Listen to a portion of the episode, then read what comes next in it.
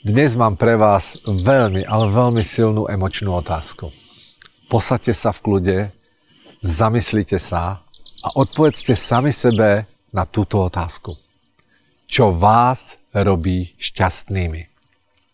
Čo ťa robí šťastnou, alebo čo ťa robí šťastným? Zastav sa a rozmýšľaj nad tým. Ktoré momenty v tvojom živote to sú? Ktoré situácie, ktoré ktorí ľudia okolo teba, ktorá práca, ktorá činnosť.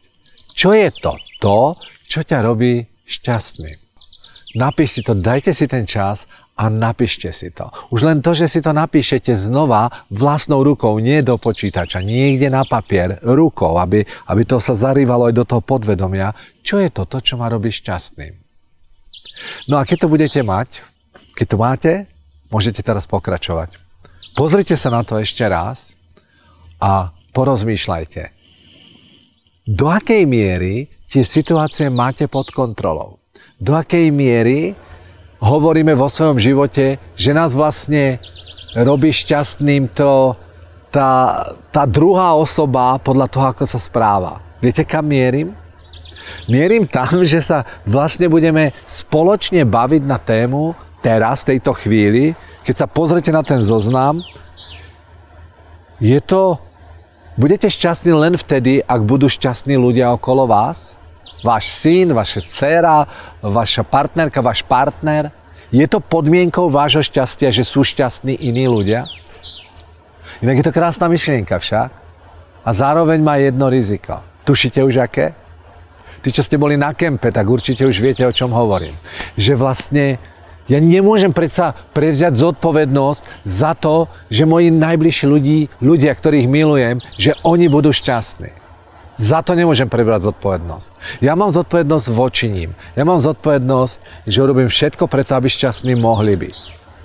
A, a vlastne pokiaľ sa možno sami seba tríznite v nejakom myšlienkovom pochode, že no ale ja nemôžem byť s tým človekom, alebo ja nemôžem, ja nemôžem ovplyvniť, či on bude alebo nebude šťastný, ale ste z toho nešťastní z tohoto prístupu, tak sa vlastne so mnou zamyslíte nad jednou vecou.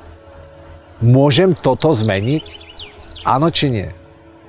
No ja vám hovorím, že áno. Tento týždeň sústrete svoju mysel na to, že ak nejaká situácia objektívne nemôžete sa jej venovať, alebo nemôžete objektívne byť s tým človekom, že vás vlastne netrápi tá situácia. Vás trápi spôsob, akým o tom rozmýšľate. O čom tu hovorím? Hovorím tu o tom, že keď, keď je, zoberte si, situácia, ktorá vás robí šťastnými, alebo šťastnou, milé dámy, situácia, ktorá vás robí šťastnou ste si istá, že keby v tej istej situácii bola iná žena, že aj ona bude šťastná?